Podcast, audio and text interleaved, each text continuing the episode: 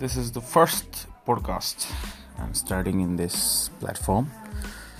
I hope you guys listening.